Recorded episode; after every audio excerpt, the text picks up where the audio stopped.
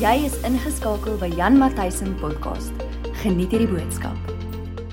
Ja, familie, dis vir my 'n groot voorreg om aan te gaan met ons preekreeks. Soos wat julle weet, is ons besig met die preekreeks genaamd Die sewe wonderwerke in Johannes. En ek het laasweek het ek die geleentheid gebruik om so bietjie um, 'n intro te gee oor hoekom ek hierdie uh preekreeks preek.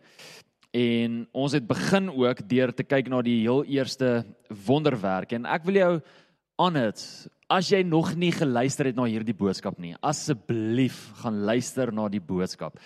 Die heel eerste wonderwerk wat ons vind wat Jesus gedoen het in die boek van Johannes, wat ook die eerste wonderwerk is wat hy gedoen het op sy op hierdie aarde, is binne in Johannes 2. Gaan kyk gou. Net gou 'n vinnige recap dalk vir elke een van julle wat dit dalk gemis het en ook vir die van julle wat dit gekyk het, 'n vinnige recap. Ons het gaan kyk na 'n paar interessante uh, feite laasweek, soos byvoorbeeld onder andere die water in wat in wyn verander is was Jesus se heel eerste aardse wonderwerk. Voordan het hy nog geen wonderwerke gedoen nie. Ons het ook gesien dat hierdie wonderwerk dat hy dit in wyn verander het en nie in druiwesap nie. En ons het ook die stelling gemaak dat Jesus wyn kon produseer omdat hy die wynstok is.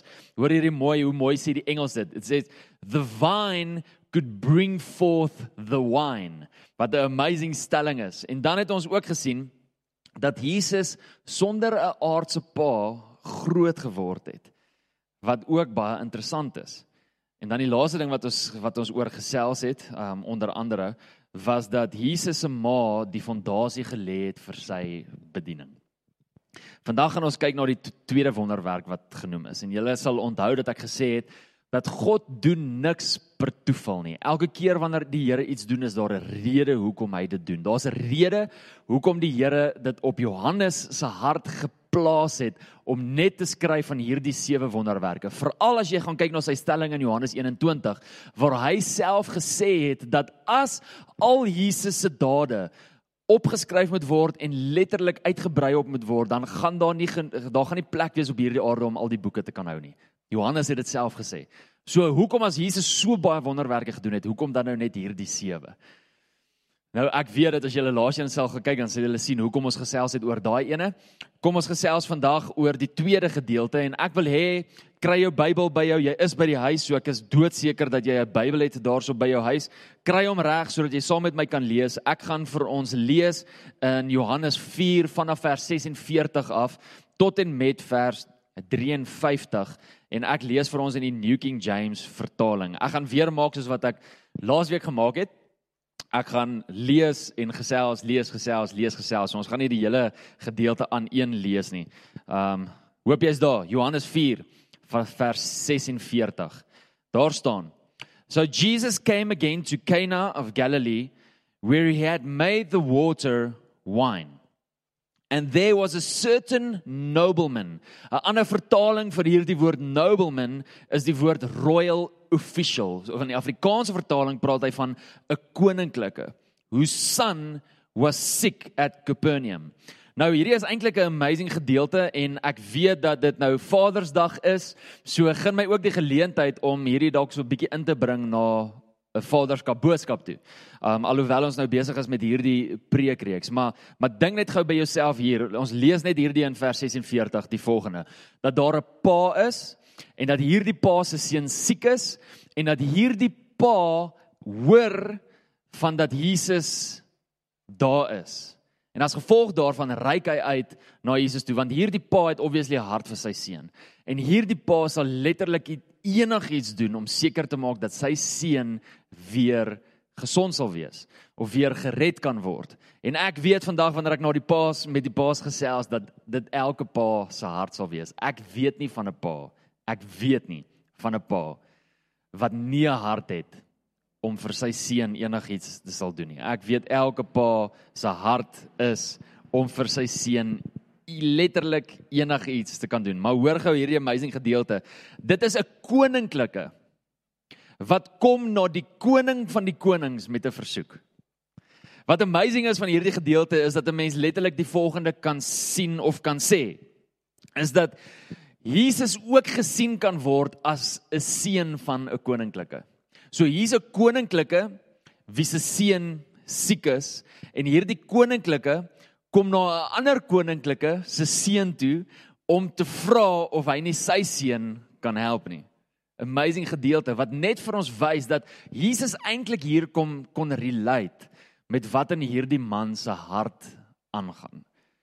Maar wat die grootste amazing ding is in hierdie geval kom hierdie koninklike na die seun van die koning toe. Vers 47 sê When he heard dit is nou die koninklike the nobleman when he heard that Jesus had come out of Judea into Galilee he went to him and implored him to come down and heal his son for he was at the point of death.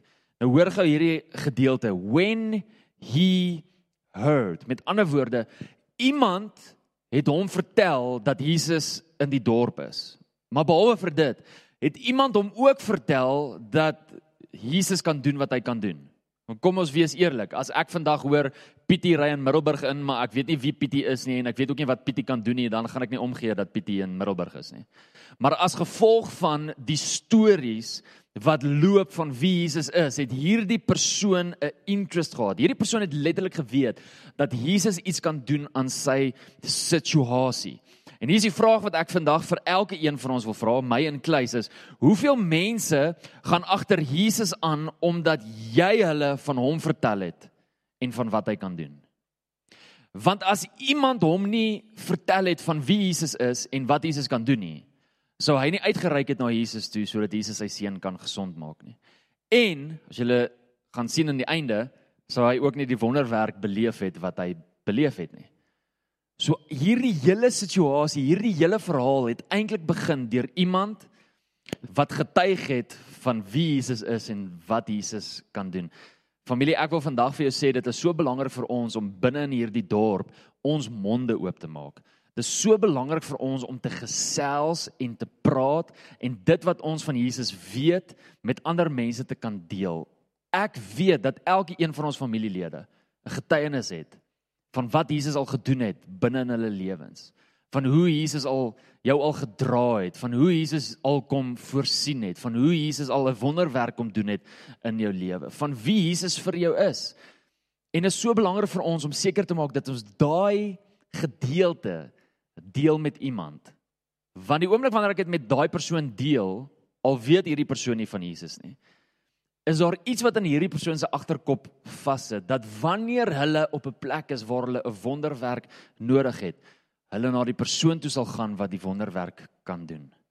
Maar dit gaan onmoontlik wees vir enige een van ons om na die persoon toe te gaan wat die wonderwerk kan doen as ek nie weet dat hy die wonderwerk kan doen nie. Dan sê die woord daar he implored Jesus. Nou dis eintlik net 'n baie fancy Engelse woord vir Hy het Jesus gesmeek om saam met hom te gaan. Pa moet asseblief nooit ophou om by die Here te smeek vir jou kinders nie. Jy weet, ons word partykeer so moeg, ons word partykeer partykeer is die omstandighede so rof en partykeer is ons kinders se lewens dalk op 'n plek waar hulle ons, ons weet wat God oor hulle spreek. Ons weet wat die belofte is. Ons weet waarvoor hulle geroep is, maar as ons kyk na hulle lewens, dan is dit net nie so nie. En ek wil vandag vir jou sê, pa, moenie ophou om by God, by Jesus te smeek vir jou kind se lewe nie. Hierdie pa kom letterlik en hy smeek vir Jesus vir sy kind se lewe. Vers 48 staan daar: Then Jesus said to him, unless you people see signs and wonders you will by no means believe. Nou hierdie is 'n ongelooflike harde woord. Ek ek dink nie dat hierdie die woord is wat ek sou wou gehoor het nie. Ek het 'n wonderwerk nodig. My kind is besig om dood te gaan. Ek gaan na Jesus toe. Ek is 'n koninklike um, ek het royalty binne in my bloed. Ander mense dien my. Ander mense buig voor my. En nou kom ek voor 'n ander koninklike die koning van die konings en ek verwag dat hy iets sal doen, maar sy antwoord is dalk nie wat ek wil hoor nie. Jesus is eintlik nogal baie hard. Hy sê unless you people. So dadelik plaas hy hierdie koninklike hierdie persoon binne in 'n kategorie. Waarvan praat hy hier? Dis eintlik baie interessant want wat in hierdie persoon se hart aangaan, hierdie koninklike se hart aangaan, is is wat Jesus besig is om aan te spreek hier. Jesus spreek letterlik 'n hartsissue aan binne in hierdie persoon se lewe. En die hartsissue is is die volgende dat hierdie persoon geregtig voel. Ek hou baie meer van die Engelse woord. Die Engelse woord is entitled. He's got a sense of entitlement inside of him. Hy voel geregtig as gevolg van sy posisie, as gevolg van die royalty wat binne in sy bloed is, as gevolg van wie hy is, voel hy geregtig dat enige iemand moet spring die oomblik wanneer hy vra. Dat enige iemand moet jump die oomblik wanneer hy iets vra of iets 'n bevel gee. En hierdie is in groot kontras teenoor wat hier gebeur want eh, kom ek sê gou die volgende. Jesus sê vir hom unless you people see signs and wonders you will by no means believe. Met ander woorde, hierdie koninklike soek Jesus nie vir wie Jesus is nie, maar vir wat Jesus vir hom kan doen. Dis wat Jesus vir hom hier sê. Hierdie is in in groot kontras teenoor dit wat in Samaria aangegaan het, net bietjie vroeër in die hoofstuk. As jy gaan lees hoofstuk in hoofstuk 4 vanaf vers 39 af tot 32, dan sal jy sien dat Jesus was vroeër in die hoofstuk was hy by die put gewees en daar het 'n Samaritaanse vrou gekom en en hy het vir haar 'n woord van kennis gegee en vir haar presies verduidelik wat in haar lewe aangaan en hierdie vrou het in die dorp ingehardloop en die oomblik toe hierdie vrou in die dorp ingehardloop toe vertel sy die hele dorp van hierdie profeet en wie hy is en dat hy die Messias is en die woord sê dat die hele dorp in hom geglo het as gevolg van haar woord. En na dit staan daar dat hierdie volk uitgegaan het om Jesus te gaan ontmoet en toe hulle Jesus ontmoet het, hier dit staan in die woord, het hierdie mense self in Jesus begin glo. Daar kom, hulle sê actually vir die vrou, ons het geglo in hom as gevolg van jou woord, maar nou het ons self gesien en nou glo ons vir onsself as gevolg van wat ons self beleef het. Die kontras is die volgende dat hierdie koninklike het ook van Jesus gehoor maar hy glo nie in Jesus nie. Jy sien hy het gehoor in in wie van wie Jesus is en hy het gehoor van wat Jesus kan doen. Maar dit het nie gemaak dat hy in Jesus geglo het nie. Dit het gemaak dat hy 'n opportunity sien vir sy seun om gesond te word.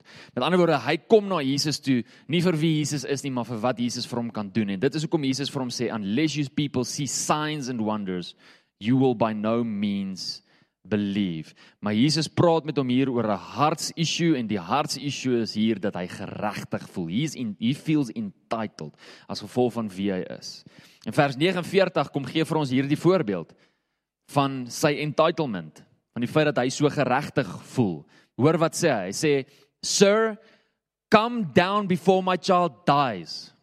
Net so, nee, Here asseblief nie nie smeek hom nie meer nie. Nou is die imploring verby, nou is die smeking verby. Nou begin hy 'n bevel gee. Jy sal sien in jou Bybel is daar 'n uitroepteken. Ewe skielik gee hy nou 'n bevel. Ek het nie ek het nie nou tyd vir jou praatjies nie. Ek het nie nou nodig dat jy hartsissues in my uit, uit uitwys nie. Ek het nodig dat jy nou saam met my kom en my seun genees. Hierdie dis hoe entitled hierdie persoon voel. Ja, maar net na dit sien ons eintlik 'n baie groot mate van Jesus se genade.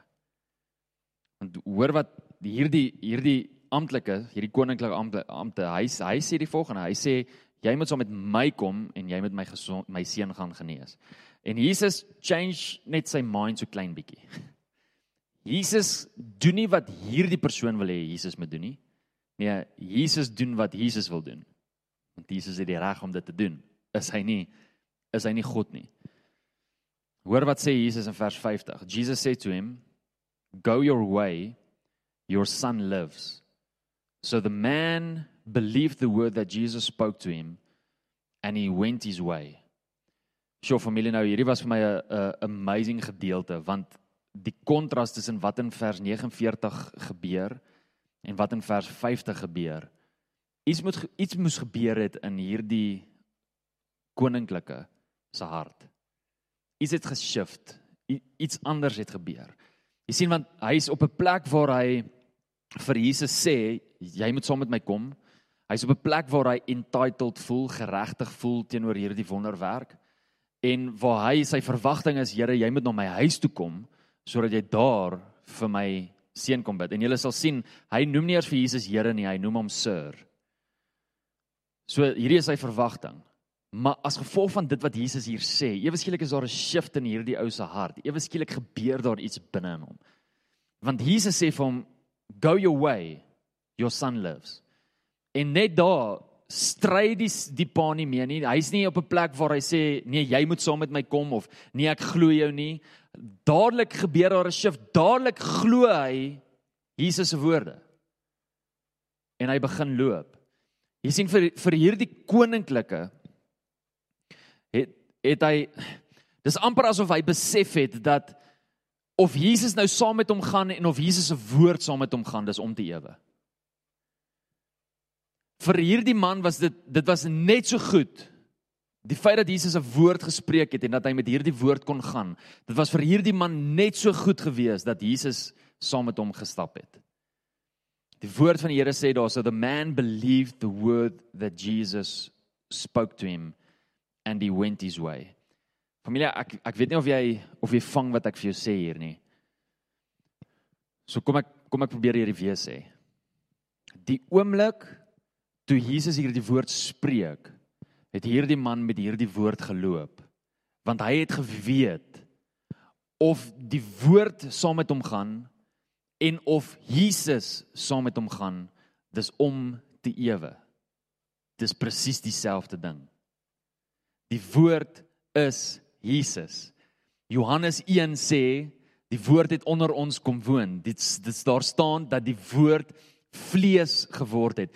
Hierdie ou verstaan ewe ewe skielik iets van wie Jesus is. Hy verstaan ewe skielik hier dat Jesus die woord is en vir hom is die feit dat die woord saam met hom gaan goed genoeg. En hoeveel keer is ons as as kinders van die Here Hoeveel keer staan ons vas op die woord wat God vir ons gesê het? Of kom ek vra dit so?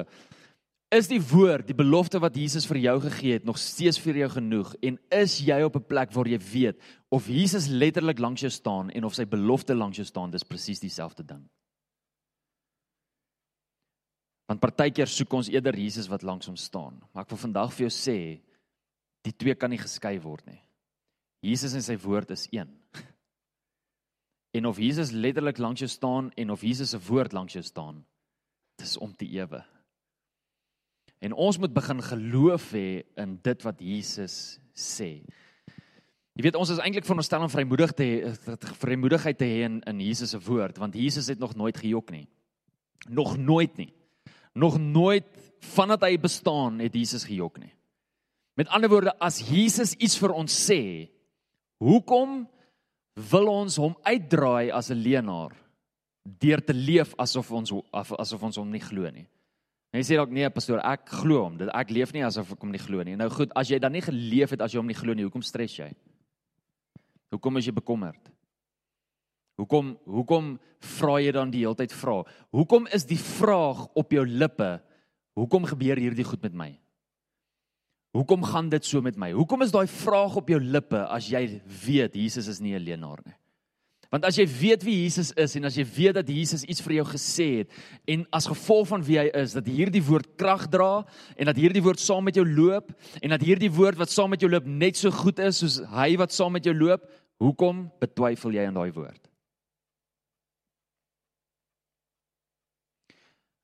Eintlik het ons nie die reg om te twyfel in enigiets wat Jesus sê nie. En hoor, ek verstaan ons is mense. Maar hierdie is die gedeelte waar ons die vlees moet kruisig en seker maak dat God se gees ons rig. Nie ons vlees nie. Ek hoop jy het gevang wat ek hierso vir jou probeer sê. Kom ek lees vir ons gou nog 3 verse. Vers 51. So Jesus gee van die woord, hy's fine met die woord ewe skielik uit die bloute uit en daar gaan hy nou huis toe. And as he was now going down, his servants met him and told him, saying, Your son lives. And then he inquired of them the hour when he got better. And they said to him, Yesterday at the seventh hour, the fever left him. So the father knew that it was the same hour. Where he saw, it was the same hour in which Jesus said to him, Your son lives. and he himself believed and his whole household. Gaan nou ietsie daaroor sê. Kom ek kom ek verduidelik dalk net gou die volgende. Die oomblik toe Jesus gespreek het, het daar deurbraak gekom. Die oomblik toe Jesus vir hierdie man sê your son lives, was die oomblik gewees wat die genesing gekom het. Maar hierdie persoon was nie bewus gewees van die wonderwerk nie. Hierdie persoon was nie bewus gewees van die van die genesing nie. Hoekom nie? As gevolg van waar hy is in sy journey.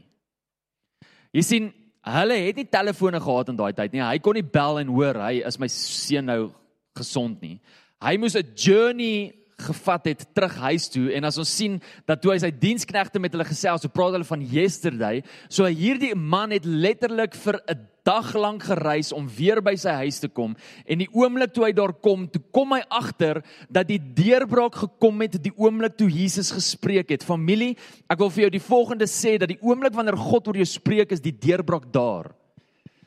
Maar jy is nie altyd bewus van die deurbraak nie as gevolg van waar jy is in jou journey. As as hierdie man se huis naby was aan die woord sou hy letterlik net daar dieselfde dag dieselfde oomblik dalk 5 minute daarna sou hy uitgevind het van die deurbraak. Maar sy journey was langer as dit.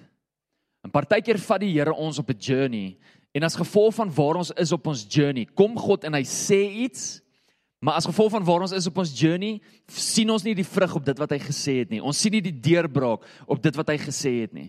Ons sien die deurbraak eers later wanneer ons by ons bestemming uitkom. Wanneer ons is waar ons moet wees, sien ons die deurbraak. Kom ek gee julle 'n uh, 'n getuienis uit my lewe uit of 'n illustrasie. In 2006 was ek nog in 'n verhouding gewees met 'n uh, 'n girl wat wat ek mee begin uitgaan het toe ek in graad 11 was. So ons het begin date in wanneer die datums reg kry.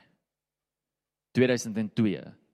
In 2002 het ons begin date en in 2006 toe toe date ons nog steeds. Toe is ons al letterlik 5 jaar saam. En ek sal nooit vergeet nie, ek word eendag wakker en ek spandeer tyd saam met die Here en terwyl ek tyd spandeer saam met die Here, uit die bloute uit. Ek is nie eers besig om met hom te praat oor haar nie. Maar uit die bloute uit kom sy stem en hy sê vir my Jan, hierdie meisie is nie jou vrou nie. En ek skrik myself wit. Witter as wat ek nou wit is. Skrik ek myself. Want ek was 'n genuine oortuig dat sy my vrou is. Ons is al 5 jaar saam.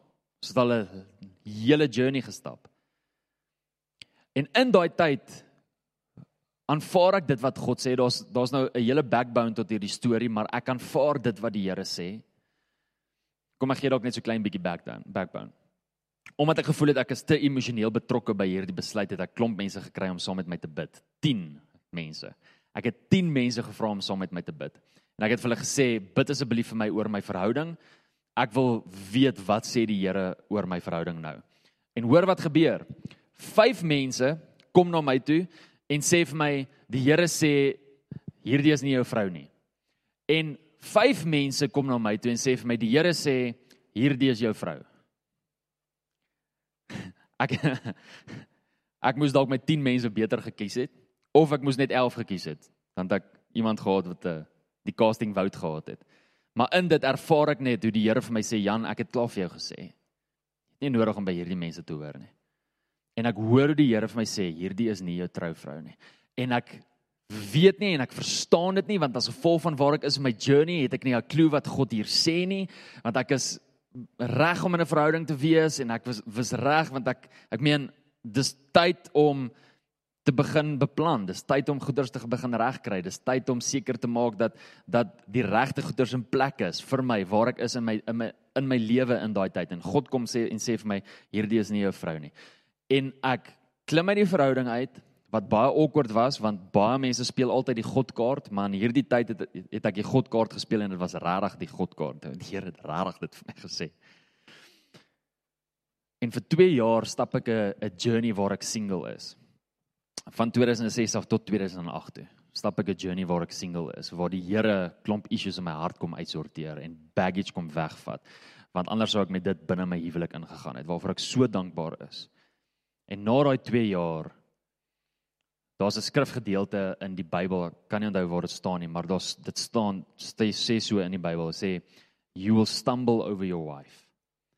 En ek het letterlik oor Mariska gestamble ek was ek was so gefokus op op my karier as jy dit so sê binne in die bediening. Of was 'n leier gewees daar was klomp goeters wat sou sou gebeur het waarop opgewonde was. Ek was gefokus gewees gedetermineerd en ewe skielik toe val ek oor Mariska. Terwyl ek gefokus is op die Here en dit wat hy van van my van my verwag. En toe ek oor haar val toe weet ek okay ek het nie letterlik oor haar geval nie hoor. Dit is ek praat net figuurlik hè toe toe ek letterlik my hart op haar verloor, toe begin ek weet, okay. Hierdie is my vrou. Dis die vrou vir wie ek gebid het. Dis die vrou wie die Here by my wil sit. Hierdie hierdie is die rede hoekom die Here vir my 2 jaar terug gesê het dat hierdie girl wat saam met my op skool was, nie my vrou is nie. Hierso staan die rede. Maar as gevolg van waar ek was in my journey, het ek nie geweet waarmee God besig is nie.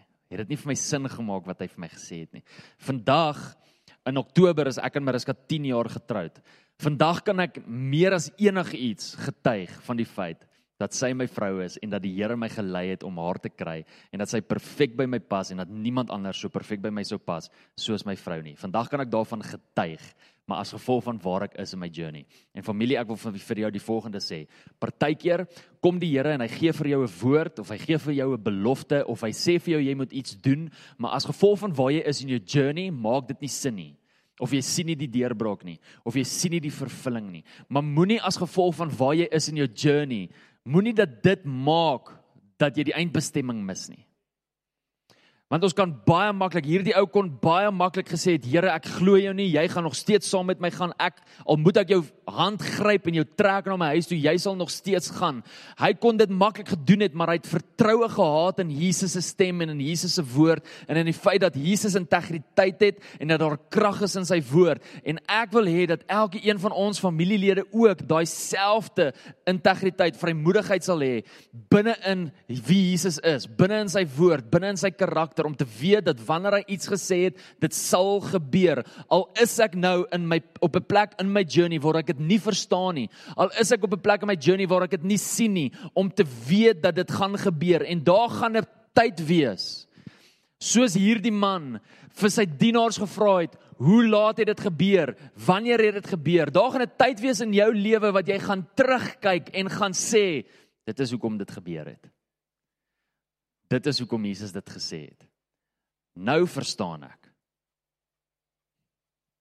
Maar moenie omdat jy nie nou verstaan waar jy nou is, moenie dit mis nie. Moenie so frustreerd raak dat jy dit mis nie.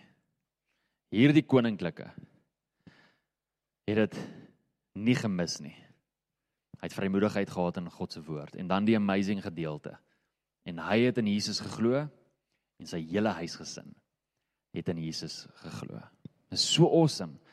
Hy het eers geglo in Jesus se woord en toe hy die vrug sien van Jesus se woord, toe glo hy in Jesus. Mag elke een van ons ook die vrymoedigheid hê om te glo in God se woord. In hierdie tyd van COVID-19 in hierdie tyd van ekonomiese downfall in hierdie tyd waar daar soveel vrae is, waar daar soveel goeders is wat nie sin maak nie. Waar daar soveel van ons is wat vashou aan 'n woord en wat vashou aan 'n belofte en ons letterlik nie kan sien hoe hierdie goeders gaan gebeur nie in hierdie tyd. Mag ons soveel vrymoedigheid hê in God se woord. En mag ons vrymoedigheid in God se woord ons deurdra en maak dit ons vas staan in hierdie tyd. Kom ek bid vir ons. Here, sjoe, u woord is is so amazing. Maar vandag wil ek kom en en Here, ek wil vir u jammer sê. Jammer vir die kere wanneer u gepraat het en ek nie geluister het nie. Wanneer jammer vir die kere wat u gepraat het en ek getwyfel het. En jammer ook vir die kere, Here, wat ek dalk frustreerd geraak het of waar ek was in op 'n plek in my journey waar ek net nie die groter prentjie gesien het nie. En waar ek dalk gemurmureer het of waar ek dalk wou rebelleer of waar ek dalk ongelukkig was. Ek is jammer vir daai tye. Dankie dat u genade nog so was dat ten spyte van wie ek was, was u nog steeds faithful. Ten spyte van hoe ek opgetree het, was u nog steeds faithful. Ek het vrymoedigheid in u woord, Here. Ek het vrymoedigheid in dit wat u gesê het. Ek het vrymoedigheid oor u beloftes wat u vir my en Mariska gegee het. Ek het vrymoedigheid in die woord en die beloftes wat u vir hierdie gemeente gegee het. En ons verklaar vandag dat hierdie woord en hierdie beloftes wat saam met ons loop, Here, dit is vir my net so goed soos u wat saam met my loop. Want u en die woord kan nie geskei word nie. Ek bid vandag vir elke persoon wat mismoedig is, wat vra het, wat nie meer weet wat se kant toe nie. Here, dankie dat U die een is wat ons sekerheid gee. Dankie dat U die een is wat maak dat ons kan vas staan en confidence kan hê, boldness kan hê vir waantoe ons op pad is. Ons eer U vandag in die naam van Jesus. Amen. Amen. Familie, dankie dat jy ingeskakel het. Soos wat julle weet, ons waardeer dit. Ehm um, julle weet ons mis julle en ons bid regtig dat die reëls en die regulasies weer gaan verander binnekort en hopelik gaan ons mekaar weer lekker saam kan sien. Maar vir nou, dankie dat julle ingeskakel het. Dankie vir wie julle is. Dankie vir julle konstante finansiële bydrae in hierdie tyd. Julle is amazing. En uh dankie dat julle ook saam met ons bid. Onthou asseblief, ons bid saam by die kerk maandaaande tot woensdaaande 07:30 tot 8:00 en dinsdag en vrydagmiddag bid ons van 12:00 tot 1:00 toe. En ons nooi jou uit kom bid saam met ons. Ons weet, ek weet, ek is oortuig daarvan dat gebed die ding is wat al hierdie goeters gaan draai en gebed die goeters die, die ding is wat ons gaan deurdra in hierdie tyd. So ek nooi jou uit om saam met ons te kom bid. Julle moet 'n amazing Vadersdag hê. Ek hoop julle word lekker bederf en ons sien julle dan nou weer vanaand. Onthou ons aanddiens vanaand 6uur. Dan sien ons julle weer. Baie blessings vir julle. Bye bye. Dankie dat jy saam met ons geluister het. Onthou om te subscribe op hierdie podcast. Volg ook vir Jan op Facebook en YouTube. Tot 'n volgende keer. Die Here seën jou.